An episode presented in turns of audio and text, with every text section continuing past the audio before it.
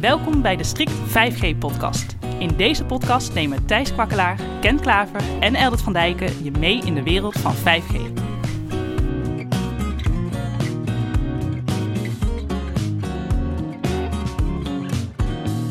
Dit is de Strict 5G-podcast. Ik ben Thijs. Ik ben Ken. En ik ben Eldert. Vandaag gaan we terug naar de basis, de basis van 5G.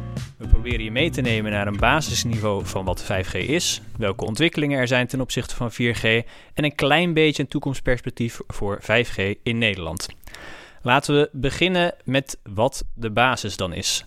5G staat in de basis voor vijfde generatie, maar de vijfde generatie van wat? Ken wel vijfde generatie van wat? De vijfde generatie van uh, uh, mobiele communicatie. Begon natuurlijk bij de eerste generatie. Uh, ja, dat is voor heel veel mensen heel lang geleden. Analoge uh, mobiele telefonie.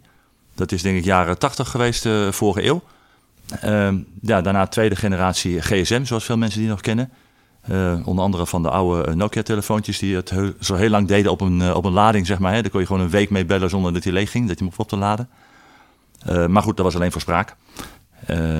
bellen en dat was het eigenlijk wel, sms'en. Toen kregen we, uh, nou, jaren 90, uh, begin jaren 2000, kregen we uh, derde generatie 3G, ook wel UMTS. Toen kwam eigenlijk de eerste uh, ja, variant van mobiel internet. Hè. Dan kon je berichtjes versturen, je kon ja, browsen, maar heel moeilijk met, met, met dingen en zo. Dat was echt best wel lastig. Ehm, ja, toen kreeg je natuurlijk 4G, vierde generatie. Toen kwam echt het mobiele internet los. En daar zitten we natuurlijk nu eigenlijk nog steeds middenin. Um, een hogere bandbreedte, dus je kan echt heel veel dingen nu mobiel doen natuurlijk. Ja, en 5G is de volgende stap. Eldert, wat is er dan zo nieuw aan, aan 5G? Eigenlijk het idee dat we het 100 keer zo snel gaan maken als 4G. En uh, dat we ook veel meer voor uh, bedrijven allerlei toepassingen verzinnen en nog veel grotere Internet of Things uh, mogelijkheden maken. Tot een miljoen devices per vierkante kilometer voor Internet of Things. En voor bedrijven allerlei specifieke diensten met quality of service en garanties en hele lage latency. Zodat je het ook in industriële processen kan toepassen. En ik denk vooral voor de consumenten ook vooral de mogelijkheid om nog veel meer gebruikers hoge datasnelheden te geven. En dus bij 3G had je een lagere datasnelheid. Bij 4G kwam echt al een hoge datasnelheid, maar dat was eigenlijk maar voor één of twee of misschien vijf gebruikers op één zendmast tegelijkertijd. En nu met 5G is de mogelijkheid om dat aantal fors te verhogen. Dus het, het is, ja, plat gezegd, voor de consument is het meer van hetzelfde. Maar wel zodanig dat we allemaal tegelijkertijd kunnen Instagrammen, Netflixen, Facebooken, uh, videobellen en, en wat dies meer zijn. Dus eigenlijk wil je zeggen dat als we met z'n allen bij een goed concert staan, dat we met z'n allen dat concert kunnen livestreamen in de, in de hoogste kwaliteit uh, die we maar kunnen verzinnen. De technologie van 5G kan dat aan, maar of je dat op een bewust concert ook daadwerkelijk kan doen, hangt sterk af van hoeveel zendcapaciteit door de mobiele operators daar ter plekke staan. En we kennen wel situaties waarbij een groot voetbalstadion bijvoorbeeld maar één zendmast staat. En een zendmast kan een paar duizend gebruikers uh, aan. Misschien wel uh, enkele tientallen met een uh, goede videostream tegelijkertijd. Of misschien nog wel iets meer met behulp van 5G. Maar bijvoorbeeld geen 20.000 bezoekers. En dan loop je echt tegen de grenzen van de, van de radiocapaciteit aan. En het is bij te bouwen, maar dan moet je wel meer zendmasten, dus antennes en apparatuur plaatsen. Dus of het inderdaad kan bij een bewust concert, is een beetje afhankelijk van hoeveel zendmast daar ter plekke beschikbaar zijn. Ja. En uh, voor de consument is het dan eigenlijk meer van hetzelfde. Wat is er dan zo bijzonder aan 5G voor het bedrijfsleven? Uh, het bedrijfsleven kan zometeen profiteren van, uh, nou ja, wat Eilert eigenlijk al zei, hè, toch ook hogere snelheden, maar ook bijvoorbeeld dingen als lage latency, dus hele lage vertragingstijd, die belangrijk is voor bepaalde industriële processen. En voor real-time besturing van voor bijvoorbeeld robotisering. Hè, bijvoorbeeld in de zorg, hebben we ook een vorige keer al benoemd. Veel gehoord voorbeeld is de opereren op afstand. Hè?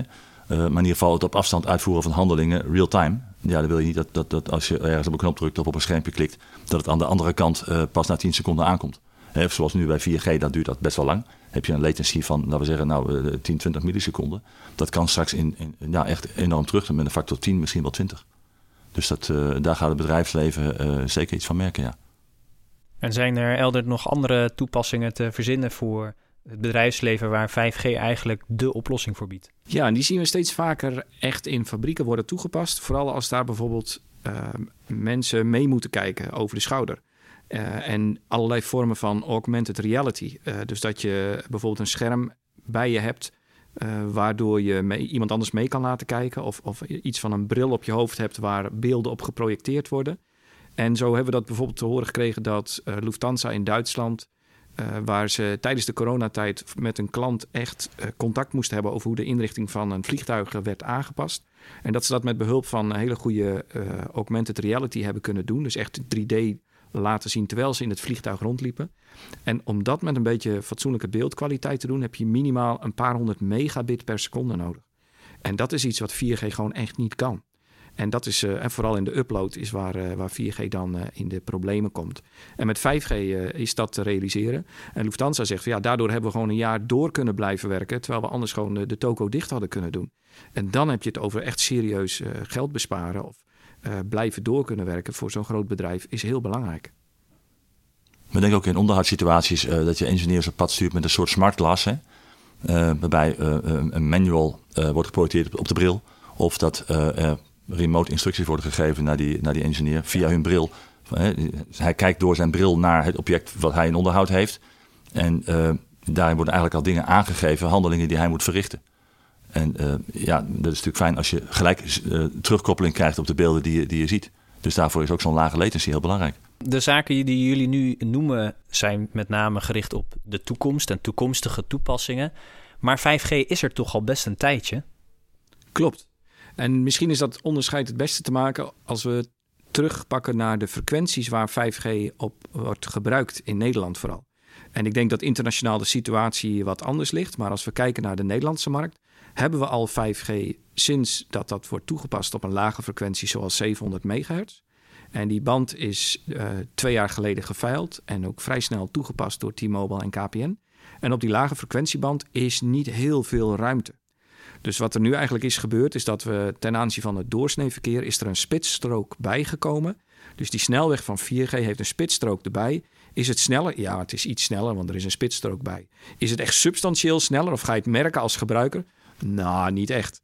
Maar het stoere is wel dat ik op mijn telefoon wel een 5G-logo zie staan. En dus ik heb wel iets van het nieuwste. Maar als ik snelheidsmetingen doe op mijn eigen toestel uh, tussen 4G en 5G, ze zijn allebei uh, super snel. Uh, ik heb een, T-Mobile abonnement en ik zit daar dicht bij de zendmast thuis. En ik heb 400 megabit per seconde. Zowel op 4G als dat ik hem op 5G zet. Dus dat, dat is echt wel heel erg snel. En uh, dat is wat we nu in Nederland hebben met 5G. De volgende stap is de band van de 3,5 gigahertz. En daarmee komt veel meer ruimte beschikbaar. Dus dan krijg je zeg maar in één keer een, een snelweg met 10 rijbanen erbij.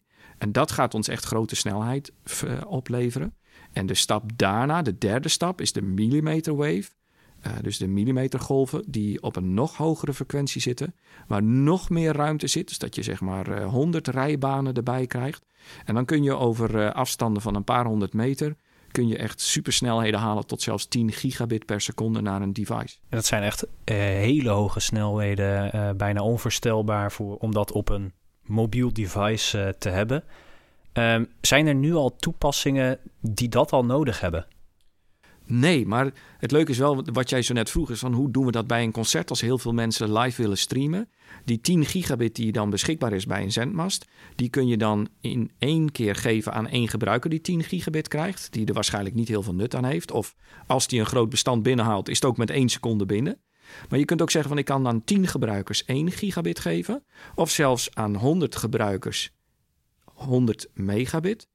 En met 100 megabit kun je echt al een, uh, ja, een 4K of een 8K live stream doen. Dus stel dat je aan een HD-stream voldoende hebt van rond 5 tot 10 megabit. Dan zou je dus aan duizend mensen zo'n high-speed datastroom kunnen geven op één zendmast met behulp van millimeterwave. Kijk, en dan heb je echt die capaciteitsgroei te pakken. En dat is wat we met 5G straks kunnen doen op drukke plaatsen door met behulp van millimeterwave, hele compacte zenders zijn dat, omdat die golflengtes heel kort zijn, hoeven de antennes maar heel klein te zijn. En dus kun je in een heel compact kastje, zeg maar een schoenendoos, kun je al enorm hoge datasnelheden uh, leveren aan heel veel gebruikers tegelijkertijd. Maar eigenlijk zeg je daarmee ook dat die millimeterwave, 26 gigahertz, dat die vooral zal worden uitgerold op plekken waar heel veel mensen zitten die een, bandbreedte, uh, een hoge bandbreedtebehoefte hebben. Bijvoorbeeld een stadion. Uh, of, de binnenstad van een, van een, of de binnenstad van een, van een stad. Hè? Binnenstad van de stad. Ehm, maar niet in, in, in ruraal gebied. Dus in, in, in laten we zeggen, uh, platteland heb je dat misschien veel minder nodig. Misschien een fabriek die daar staat wel, hè? Uh, want dat is weer zo'n hotspot. Maar uh, een landelijk dekkend netwerk voor 26 gigahertz is natuurlijk een, een, een, ja, niet, eens, niet eens nodig. Nee, ik denk ook een beetje een utopie. Um, en, en inderdaad niet nodig. Bovendien kan het, denk ik, financieel, economisch ook niet uit. Dus het is inderdaad op, drukke plaatsen, bij een centraal station, in de winkelstraten, op een stadion of misschien nog een andere plaats. Dat zijn plekken waar je met millimeterwave wel uh, hele leuke dingen kan doen. Je eens maar eens 3,5 gigahertz afwachten. Ja, precies. Die tweede stap moeten we eerst maken. En daarmee gaat de snelheid van uh, 5G-netwerken omhoog naar meer dan 1 gigabit per seconde. En daar kun je dus echt al een substantiële stap maken. Um, maar laten we dat eerst eens doen. Jullie uh, blijven telkens draaien om die frequenties. En ja, ergens is het natuurlijk al belangrijk benoemd, omdat je je bandbreedte hoger hebt. Ehm, waarom zijn die frequenties dan op dit moment ter sprake? Want we hebben nu toch ook al frequenties in gebruik voor 4G. Kunnen we die dan niet gebruiken voor 5G, Ken? Um dat kan en dat zal ook zeker gebeuren op termijn. Uh, de meeste operators hebben meerdere frequentiebanden tot hun beschikking. Uh, maar wil je echt uh, applicaties eh, gaan toepassen die hoge bandbreedte gebruiken, dan heb je ook echt veel frequenties nodig, veel frequentiespectrum nodig. En de huidige frequentiebanden die zijn nou ja, 10, 20, 30 megahertz breed. En wat je eigenlijk wilt voor hele breedbandige toepassingen is toch een, een wat groter stuk, of eigenlijk gewoon meer spectrum nodig. Dus hoe meer, hoe beter, hoe meer je kunt doen. en daardoor is ook extra spectrum nodig in de, in de zin van die, die 3,5 gigahertz. Daar is veel meer ruimte beschikbaar en kan je dus inderdaad hogere bandbreedtes gaan toepassen. Ja, want het onderscheid tussen 4G en 5G in de lucht is er wel, maar het is niet zo dat je met 5G op hetzelfde uh, frequentiegebied veel hogere snelheden haalt als 4G. In principe is 5G niet of nauwelijks sneller dan 4G als je hetzelfde bandbreedte hebt, dus frequentiebereik hebt. Dus als je inderdaad die 10, 20 of 30 megahertz hebt, dan kun je kiezen van nou, ik heb hem voor 4G in gebruik uh, of ik zet hem in voor 5G. En er zijn ook mogelijkheden om het te mengen. Dus dat je 4G en 5G verkeer op dezelfde frequentie zet. Dat is wat Vodafone in Nederland doet op dit moment. Dat is ook wat in het buitenland uh, al vaker wordt toegepast. En daarmee uh, gaat op zich de snelheid niet omhoog. Maar het is wel stoer dat je dan 5G verkeer kan afhandelen. Dus dat heeft voor bepaalde diensten heeft dat voordelen. En het heeft pas echt nut om naar 5G te gaan als je echt rijbanen erbij krijgt. En 5G is zo gemaakt dat het met die enorme aantallen rijbanen die erbij komen, prima om kan gaan, om daar heel veel verkeer op te stoppen. En daar is 4G nooit op ontwikkeld. Dus zeg maar, 4G houdt op bij een uh, 3, 4, 5 baanse snelweg. En breder kun je ze nog even niet maken voor met 4G.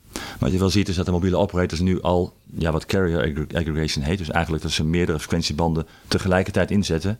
Uh, om inderdaad die meerbaansnelweg uh, te creëren. Ja. He, daardoor wordt de bandbreedte van, van uh, 4G ook al enorm verhoogd. En daardoor kun je inderdaad, als je dicht bij de zendmast staat, 2, 3, 400 megabit per seconde halen. Met 4G al. En met 5G uh, uh, in dezelfde bandbreedte zou je niet heel veel verschil merken, wat je al zegt. Maar komt er een band bij, dan ja, zijn de mogelijkheden er natuurlijk wel. En dat is ook echt wel, wel nodig uh, op termijn. En de banden die nu zijn uitgegeven voor de mobiele operators, die zijn ja, wat dan heet technologie neutraal. Dus die, die frequentiebanden die de operators nu hebben, dan mogen ze eigenlijk elke technologie op, op, uh, op bedrijven. Dus die kunnen ze eigenlijk gewoon omzetten van, van 4G naar 5G straks en misschien straks wel voor 6G. Uh, Ken, jij noemde net het, het buzzword ultra low latency. Um, dus echt hele lage reactietijden van je, je verbinding. Um, hoe wordt dat eigenlijk gedaan bij, bij 5G? Hoe wordt dat gedaan bij 5G? Bedoel jij in de techniek? Of, kijk, ik kan mij bij de toepassing van alles voorstellen. Die hebben we natuurlijk al, al, al langs horen komen hè, voor besturingen en dergelijke. Ja. Um, het protocol van, van 5G is, het technisch protocol is iets anders dan 4G. Het lijkt er wel sterk op, is er ook van afgeleid zou je kunnen zeggen. Uh, maar de hele architectuur van 5G is wat compacter, wat eenvoudiger, anders van opzet. En daardoor kun je uh, uh, veel lagere latencies halen. Dus eigenlijk meer in de techniek wordt het opgelost. En een ander aspect wat zeker ook gebeurt is in de lucht, is dat je in principe een datastroom als, als een trein voorbij zou kunnen zien rijden.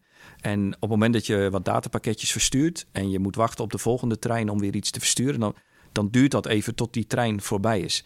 En de truc die met vooral in de hogere frequenties wordt toegepast in 5G, met name in die millimeterwave, is dat ze die trein pakken en eigenlijk overdwars zetten en in één keer die trein voorbij laten komen. Dus op het moment dat je dan moet wachten op de volgende trein, ja, die, die duurt net zo lang als de breedte van de trein in plaats van de lengte van de trein. Dus waar je normaal gesproken zeg maar een paar honderd meter trein uh, misschien wel voorbij moet laten komen, en dat gaat dan in milliseconden. Uh, heb je dan maar de helft van de trein, uh, of tenminste uh, nog veel smaller, zeg maar de treinbreedte, drie, vier meter, wat voorbij hoeft te komen. En daardoor hoef je veel minder lang te wachten tot je een volgend pakketje kan sturen. En dat is wat met name de latency heel erg verlaagt in 5G. Alleen op het moment dat je die verbinding dan door een datacenter laat lopen, wat 200 kilometer verderop zit, dan zorgt die glasvezelverbinding daar naartoe zorgt voor meer vertraging dan die vertraging in de lucht.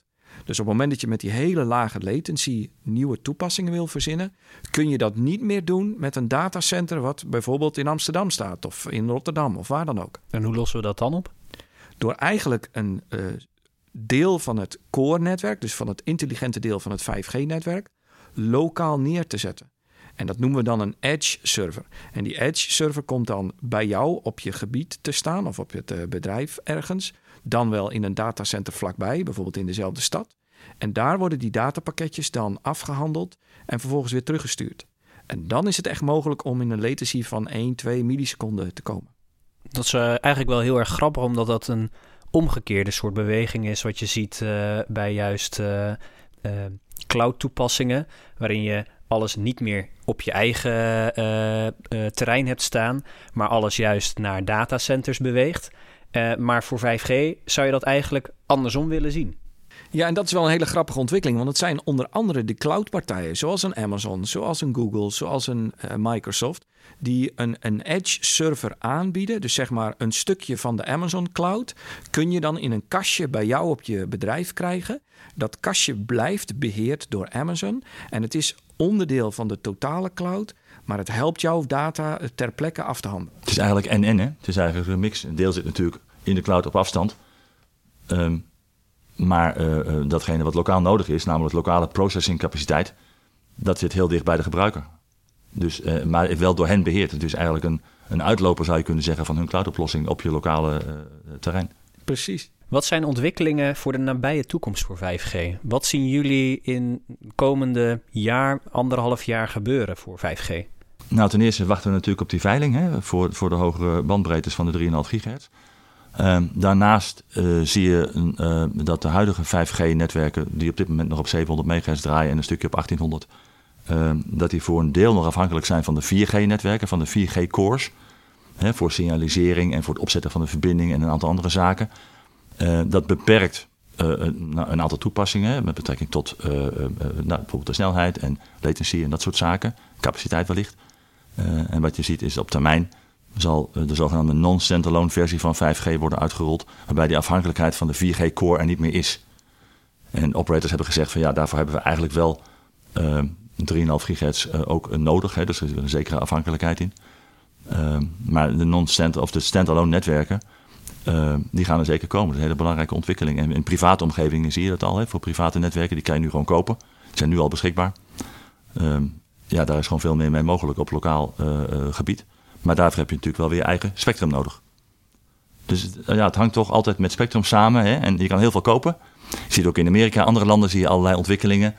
Maar die hebben ja, een andere frequentieproblematiek. Of die hebben die problematiek misschien niet die we hier in Nederland hebben. Ehm, dus ja, daar zijn we toch wel aan gebonden op een of andere manier. Ja. Nou, je noemt dat heel goed. de standalone versie is eigenlijk waar we op zitten te wachten met 5G. Um, alhoewel we ook iemand hoorden vertellen die zegt: ja, maar voor een doorsnee mobiele gebruiker is, uh, is 4G voor de signalisering en uh, eh, 5G voor de datastroom is, uh, is prima. dus dat is die non-standalone. Dus dan staat 5G niet op zichzelf, maar heeft het been 4G er ook nog bij. Tegelijkertijd, inderdaad, voor de toekomst is dat 4G wel een blok aan het been. Dus op het moment dat je echt naar de toekomst wil, dan moet je zorgen dat je een volledig 5G-netwerk hebt. Zowel de intelligente deel, het core, als het radioverbinding. Dan haal je inderdaad het maximale uit 5G. En operators die zijn daar wel druk mee bezig, maar zien nog niet zozeer de business case voor eh, de markt in Nederland. En dat is wel, eh, wel jammer om te zien. Want inderdaad, in het buitenland is dat al steeds meer beschikbaar. In Amerika is dat vorig jaar zomer al gelanceerd. Um, en dat is best wel, best wel een ding waar ik naar uitkijk. Um, maar het is nog even de. Ja, vandaag de dag is het er nog niet. Dus waarschijnlijk duurt dat nog enkele jaren. Een ander ding wat met uh, non-standalone oh, sorry, met standalone netwerken mogelijk is, is dat slicing. Hè? Dat hebben we in een andere podcast versie al een keer behandeld. Ehm, waarmee je dus uh, dedicated diensten kunt maken per gebruiker of per, per organisatie. Hè, met specifieke afspraken over nou, beschikbaarheid, over latency, over datasnelheid, andere parameters, security. Dat kan je eigenlijk alleen goed regelen met een standalone variant van 5G. Dus die is echt nodig voor dedicated gebruikersdiensten. En dan gaan we over naar het volgende onderdeel van de podcast. En dat is de eerste keer dat. Uh, deze keer uh, uh, ben ik aan de beurt en heb ik een eerste keer dat in deze podcast. En de eerste keer dat was voor mij toen ik eigenlijk mijn eerste vorm van smartphone had. Dat was een, een Nokia N82, waarmee je dus het internet op kon.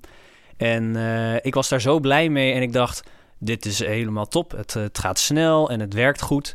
Uh, ik ben toen, nou, dikke twee weken heerlijk wezen internetten en ik heb nooit meer de wifi aangezet.